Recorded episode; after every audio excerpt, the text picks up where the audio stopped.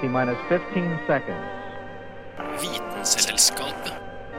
T minus 10, 9, 8, 7, 6. We have main engine start. 4, 3, 2, 1, and liftoff. Vitenselskapet. Vitenselskapet på Radio Nova.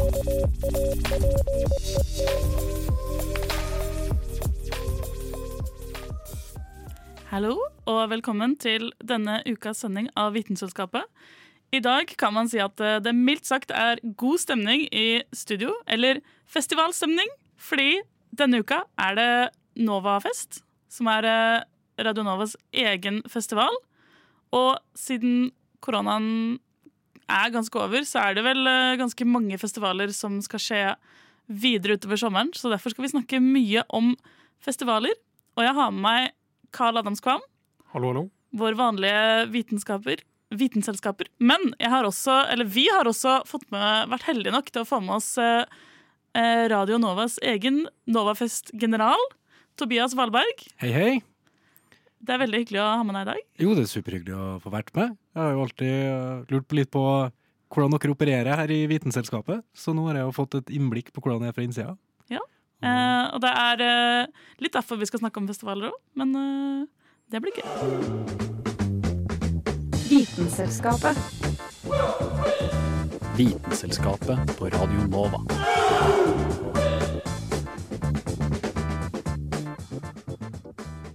Men gutter, når dere er på festival, hva er det dere forbinder med festivaler generelt? Musikk, eh, først og fremst. Ja? Lyd, god stemning, bråk. Med folk. Mye folk, ja. True. Uh, men for å få en god uh, konsert, så klart trenger man uh, musikk og lyd. Men for å få et ordentlig show, så vil jeg påstå at man trenger god, eh, eller godt med lys. Mm. eh, lyseffekter.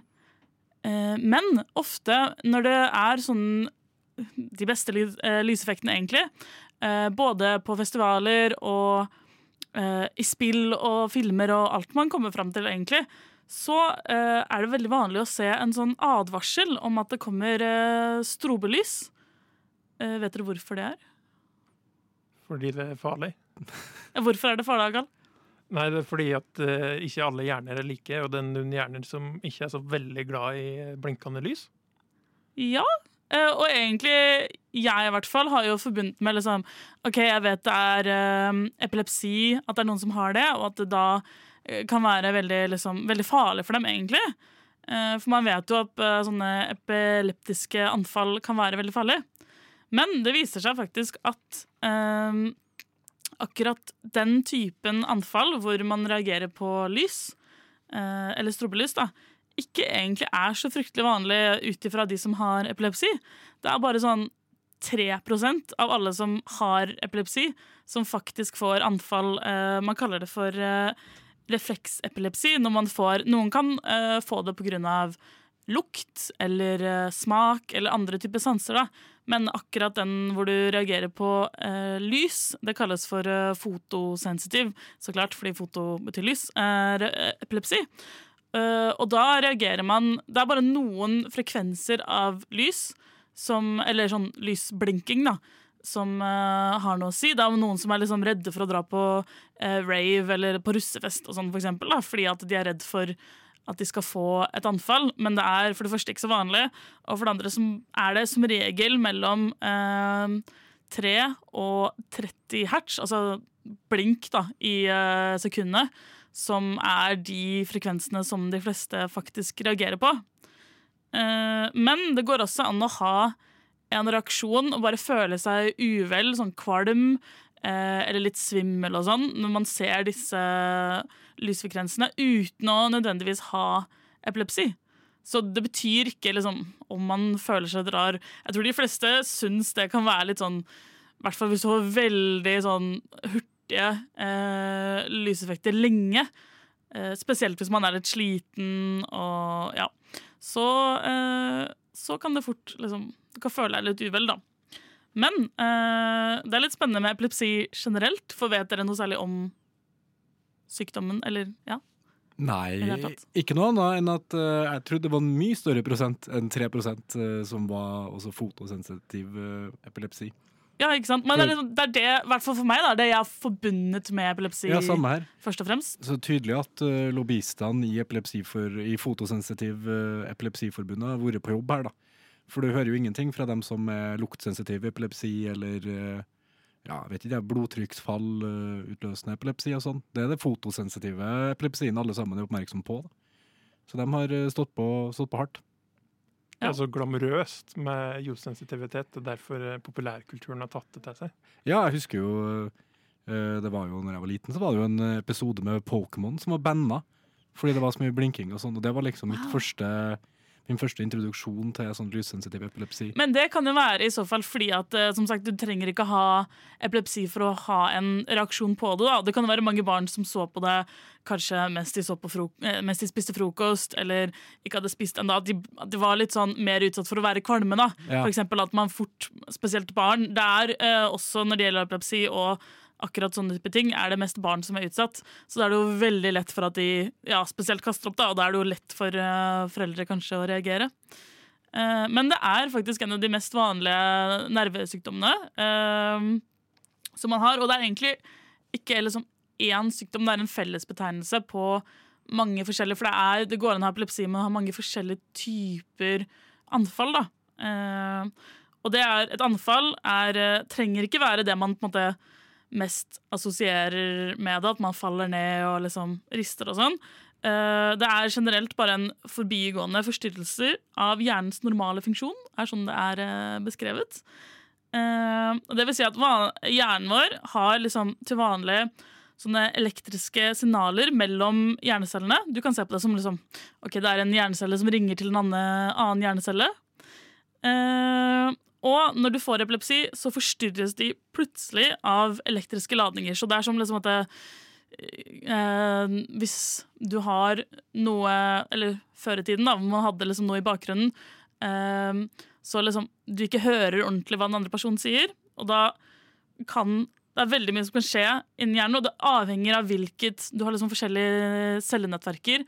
Avhengig av hvilke av de nettverkene som blir forstyrret, eh, så kan det ha forskjellige eh, reaksjoner da, på kroppen. Så det er forskjell både på hvordan det funker og hvordan det blir utløst. Ja. Så, og så kan ingenting si i det hele tatt. Eh, ikke nå, nei. det, er veldig, ja, det er veldig bredt, i hvert fall.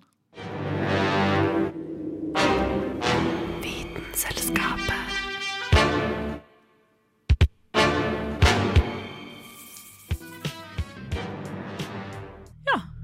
Skal vi høre litt på musikk, da, eller?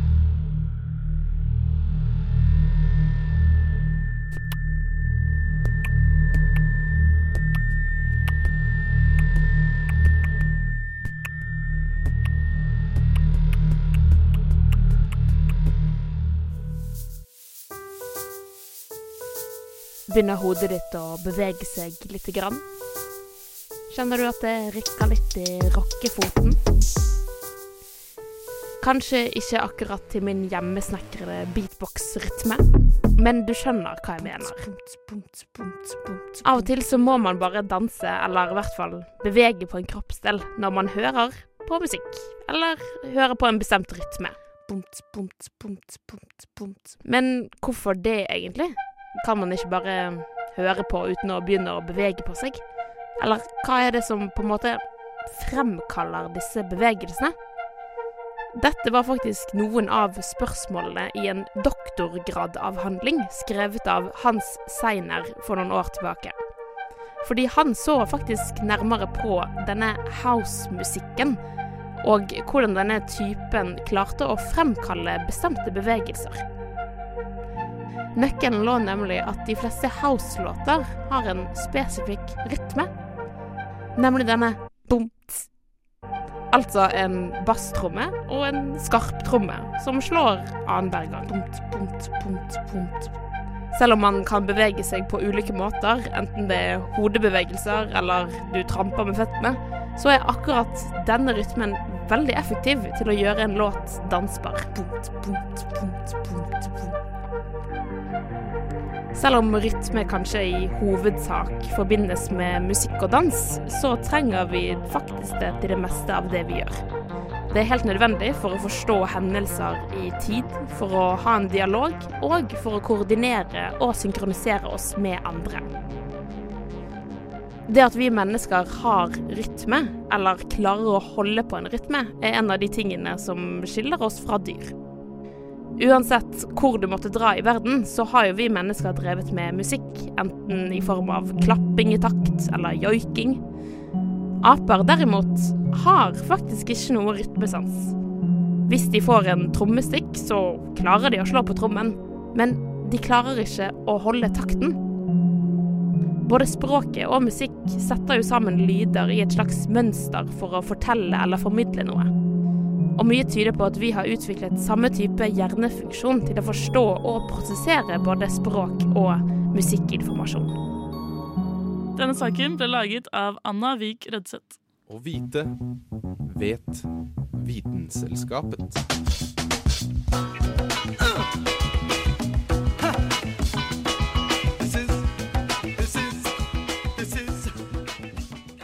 Men siden vi spesifikt uh, er basically inne i uh, Novafest-uka, så kan vi jo også snakke litt om noe annet som har med Nova å gjøre, nemlig supernovaer. Eller hva, Carl? Eh, Ja, det er veldig tematisk riktig. Forhåpentligvis inntreffer det ingen supernovaer på Novafest, men eh, del navnet. Eh, Veit du hva Nova betyr? Nei En veldig kul radiokanal. ja, det. Ja, det, det betyr hjertet vårt. Men eh, Nova betyr noe som er enkelt som ny. Eh, Så superny er jo direkte oversatt, da. Men det heter Nova fordi oppe i himmelen så ser vi ut stjernene. Og i hvert fall før i verden så kjente en jo dem fryktelig godt. Ja, der har du Veslebjørn, og der er Nordstjerna. Så når det plutselig dukker opp noe nytt, da vet du at det er noe som skjer der ute. Og det er der navnet Nova kommer fra. Og eh, når ei stjerne dør, så kommer det en nova. Men hvis den stjerna er stor, blir det en supernova. Og det, den er super fordi den er skikkelig stor. Du må da ha ei stjerne som er 8-50 ganger større enn sola vår. Som jeg syns er ganske stor i utgangspunktet. Eh, og du har eh, flere ulike typer supernova, men vi kan begynne med den mest kjente, som da er kjernekollaps. Fordi i ei stjerne, som eksempel sola vår, så er jo det egentlig bare et digert fusjonskraftverk.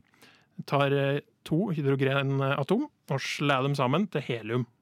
Og fordi at det forsvinner bitte, bitte litt masse, så blir det et energi, og du logger energi.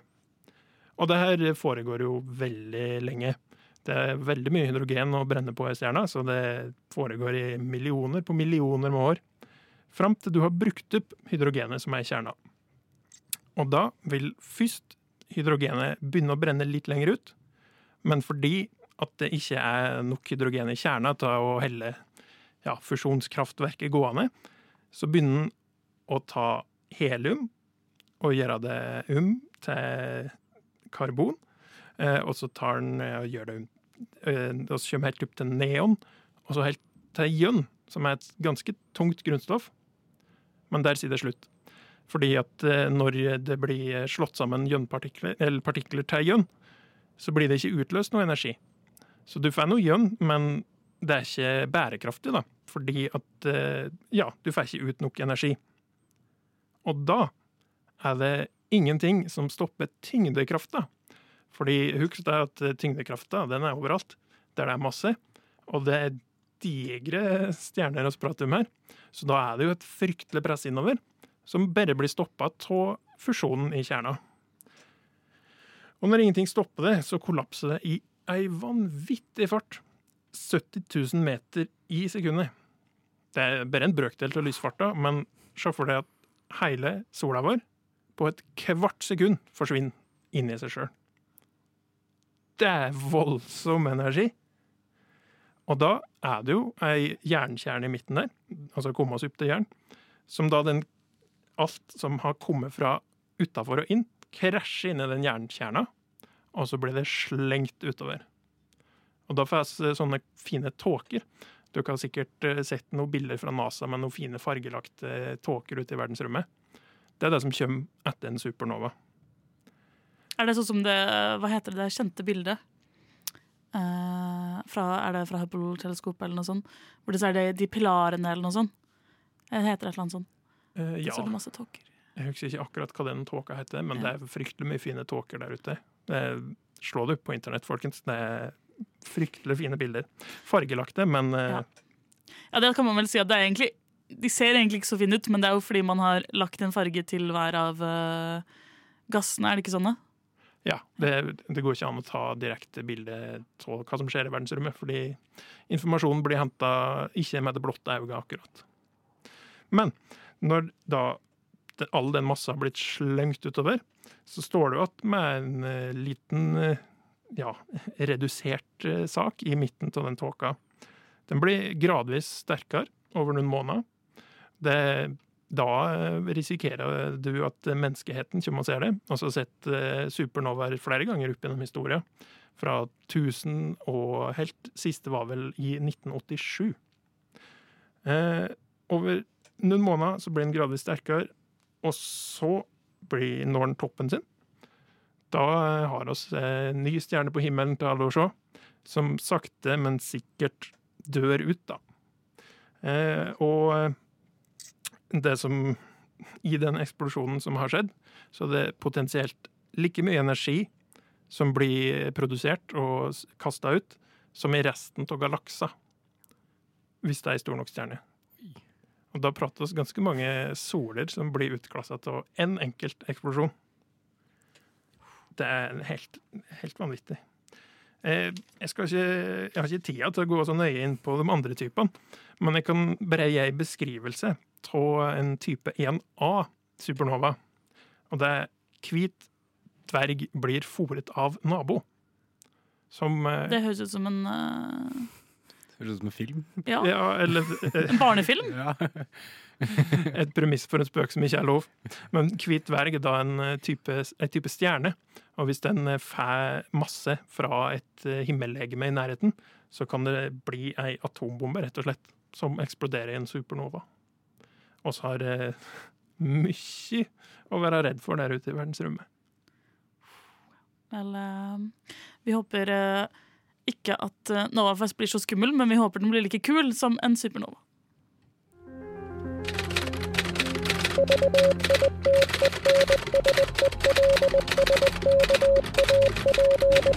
Just want to tell you both good luck. We're all counting on you. И пусть посмеются над своими страстями. Ведь то, что они называют страстью, на самом деле не душевное, Vitenselskapet а лишь трение между душой и внешним миром. knekker vitenskapens koder. Good job. Vi kan jo på mange måter si at eh, vi i dag har en liten vitenskapsfestival her i studio. Og da er det på sin plass å svinge innom noen av tidenes største vitenskapsfestivaler, nemlig de såkalte verdensutstillingene. Verdensutstillingene er en samlebetegnelse på store internasjonale utstillinger som ble holdt forskjellige steder i verden fra ca. 1800-tallet og utover.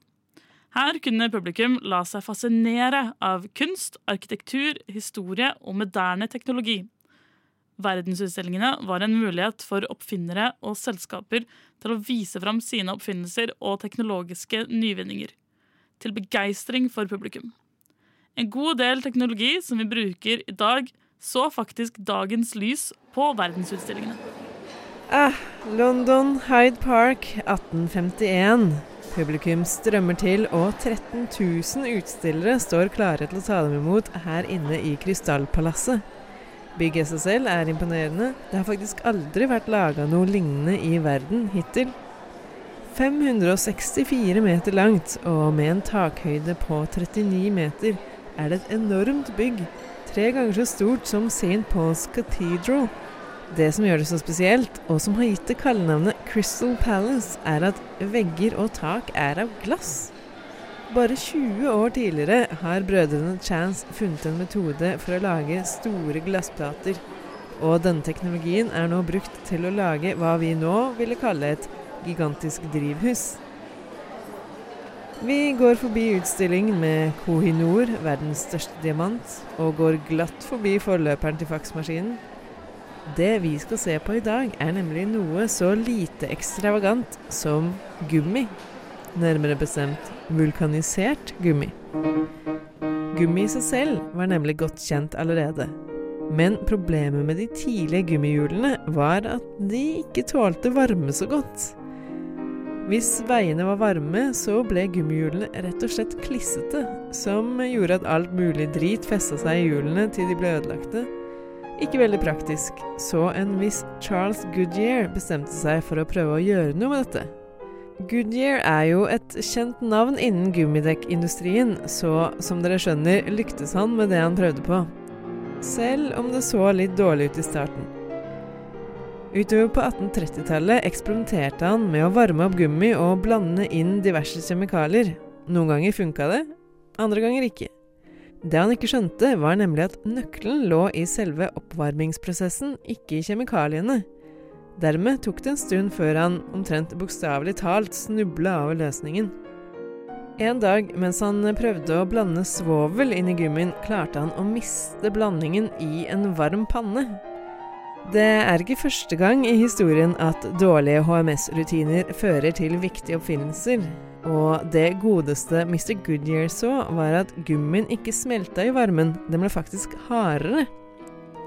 I 1844 ble denne tøffere, vulkaniserte gummien produsert på en industriell skala. Og noen år seinere kunne altså store folkemengder få med seg utstillingen med den nye vidundergummien her på verdensutstillingen i London.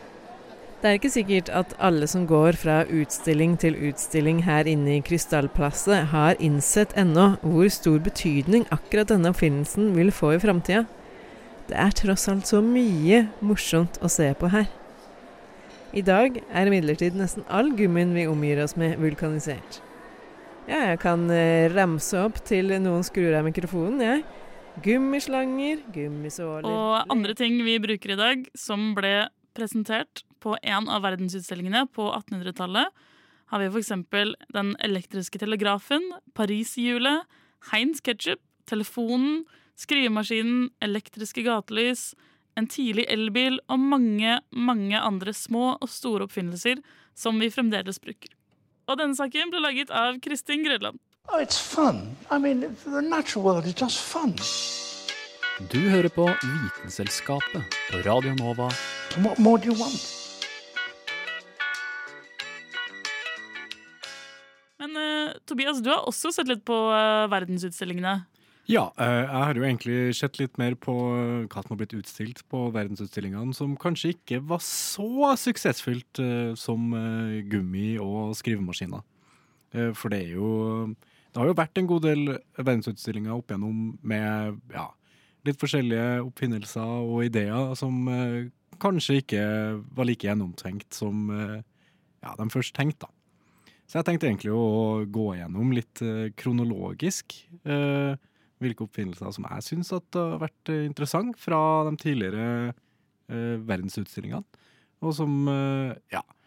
De har kanskje hatt en viss påvirkning på eh, eh, teknologi vi har i dag. eh, men det var kanskje ikke så suksessfull akkurat når de viste frem. da. Jeg startet i St. Louis i 1904. eh, hvor de bestemte seg for at det var en god idé å ha et lite sånn sideshow da, med eh, premature babyer i eh, sånn inkubatorer. Og hva gjør man når man vil ha et lite sideshow med premature babyer? Jo, man legger det ut på anbud og ser hvem som gjør det billigst. Anbud er Eh, alltid det som funker eh, best, ja. ja, det her var jo eh, USA på tidlig 1900-tall, så de var vel superglad i kapitalisme. Så da sto det da mellom en tysker, Martin Kuni, som hadde holdt på med det her i mange år, og var, ja, hadde utbedra en eh, slags inkubator i samarbeid med masse legepersonell. Eller så eh, Og det var også Edvard Baileys, eh, som egentlig ikke hadde gjort det her så veldig mye, og fikk med seg noen folk, noen doktorer som ikke hadde hatt så mye med premature babyer å gjøre, og sa han kunne gjøre det billigere. Høres veldig lovende ut. Ja, så det endte jo selvfølgelig som det måtte gjøre. Eh, De hadde en sånn slags eh, korridor eh, som man kunne gå igjennom og, og se på babyer som lå inni sånne svære ja, du må kalle glassbur. De babyene ble kun fôra med melk, frokostblanding og egg. Det var den næringa de fikk i seg. Det er veldig gøy å tenke på i dag, sånn premature babyer som får frokostblanding og egg, liksom, når man vet du gir liksom kanskje ikke det til barn hvis ikke det er et halvt år eller noe sånt. Ja, og det her endte jo med uh, mye sykdom hos uh, babyene. De lå jo der egentlig med konstant oppkast og, og diaré uh, under utstillinga. Um, og i ettertid, i løpet av noen, bare noen få måneder etter utstillinga, så hadde 39 av 43 babyer dødd. Og det var også flere som døde under selve utstillinga pga. at uh, inkubatorene svikta. De ble overoppheta og tok rett og slett ja, bare livet av babyer foran øynene på folk. Det er jo egentlig sykt å tenke på. Ja, det er, det er så Det er mørkt. Og, men man kan jo på en måte se litt på det at vi hadde jo sannsynligvis ikke endt opp med moderne respiratorer og inkubatorer hvis det ikke hadde vært for det her. Det var bare kanskje at det ikke skulle vært en del av en verdensutstilling. Ja, det er sant. Og selvfølgelig så sto jo uh, foreldre i kø for at det her var den eneste sjansen de hadde til at ungen deres kanskje kunne overleve. Uh, siden det ikke var noe annen teknologi på feltet, så da måtte de stille ut ungen sin da, for å, for å få gjennomført det. Men da hopper jeg videre til verdensutstillinga i 1939. Uh, da kunne man komme og se en av hovedattraksjonene der, som da het Electro The Smoking Robot. det er da en robot på rundt 2,10, gullfarga, ser ut som en slags Bola CP3O som da var overraskende avansert faktisk til å være i 1939. Da den kunne både ta imot talekommandoer, den kunne gå, og den kunne spille av ferdiginnspilte setninger. da, Rundt 700 som den hadde uh, på en grammofon. Men det som var det kuleste med den roboten her, det ligger jo i navnet, The Smoking Robot. Siden det her var 1939, og ja, sigaretter hadde et litt annet ja, litt annen del av samfunnet enn det er i dag, så kunne selvfølgelig den roboten her røyke. Og det var det, og blåse opp ballonger, da, for så vidt. Men det var det ingen som brydde seg om. Så, så den ble med en gang den kuleste personen i rommet? Ja, egentlig. Den kuleste, kuleste roboten i rommet, i Ja. hvert fall. Men til den verdensutstillinga Den her ble egentlig funnet opp i 1935, men til den verdensutstillinga her så fikk han en liten eh, venn eh, med navn Sparko, som var en liten robothund. Som da kunne oh. gjøre de to tingene som hunder kan, og det er å sitte og tigge etter mat. Det, men også på talekommandoer, da. Så det var overraskende, overraskende tidlig ut med det, i hvert fall. Men den kunne ikke spise matten, liksom? Nei, den kunne, Bare, den kunne, eh, kunne bare tigge, Så den blir bare irriterende. Ja. Eh, så jeg hopper jeg videre til verdensutstillinga, fortsatt i New York, men i 1964. Eh, det her er jo noen år etter krigen, så det var jo Ja, den skulle eh, virkelig eh, få i gang industri industrialiseringa. Eh, da hadde de en sånn lang robot som ser ut som en sånn eh, eh, tusenbein med, med hjul, som da skulle spise opp skog eh, foran i munnen. eh, bare crunche den, kaste den til sides, og så skulle den bæsje ut asfalt. Og det var sånn moderne motorveier skulle bygges. da. Man skulle bare sette, seg, sette fra seg sånne svære tusenbein på størrelse med, med en buss, og bare la dem kjøre gjennom skogen eh, helt til alt var dekket av eh, asfalt. Så det var de eh, kuleste tingene jeg hadde funnet fra, fra tidligere verdensutstillinger. Jeg må si uh, veldig interessant.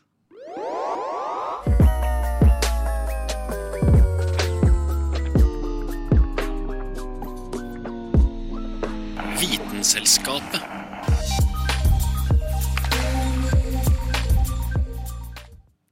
Det var eh, dessverre alt vi hadde tid for i dag. Så jeg har vært Julianne Lifjell.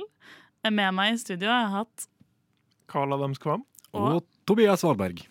Ja, eh, og meg og Karl i hvert fall kan du høre hver tirsdag klokka ti eh, på Radio Nova eller hvor enn du hører på podkaster. Tobias, hvor kan man høre mer av deg?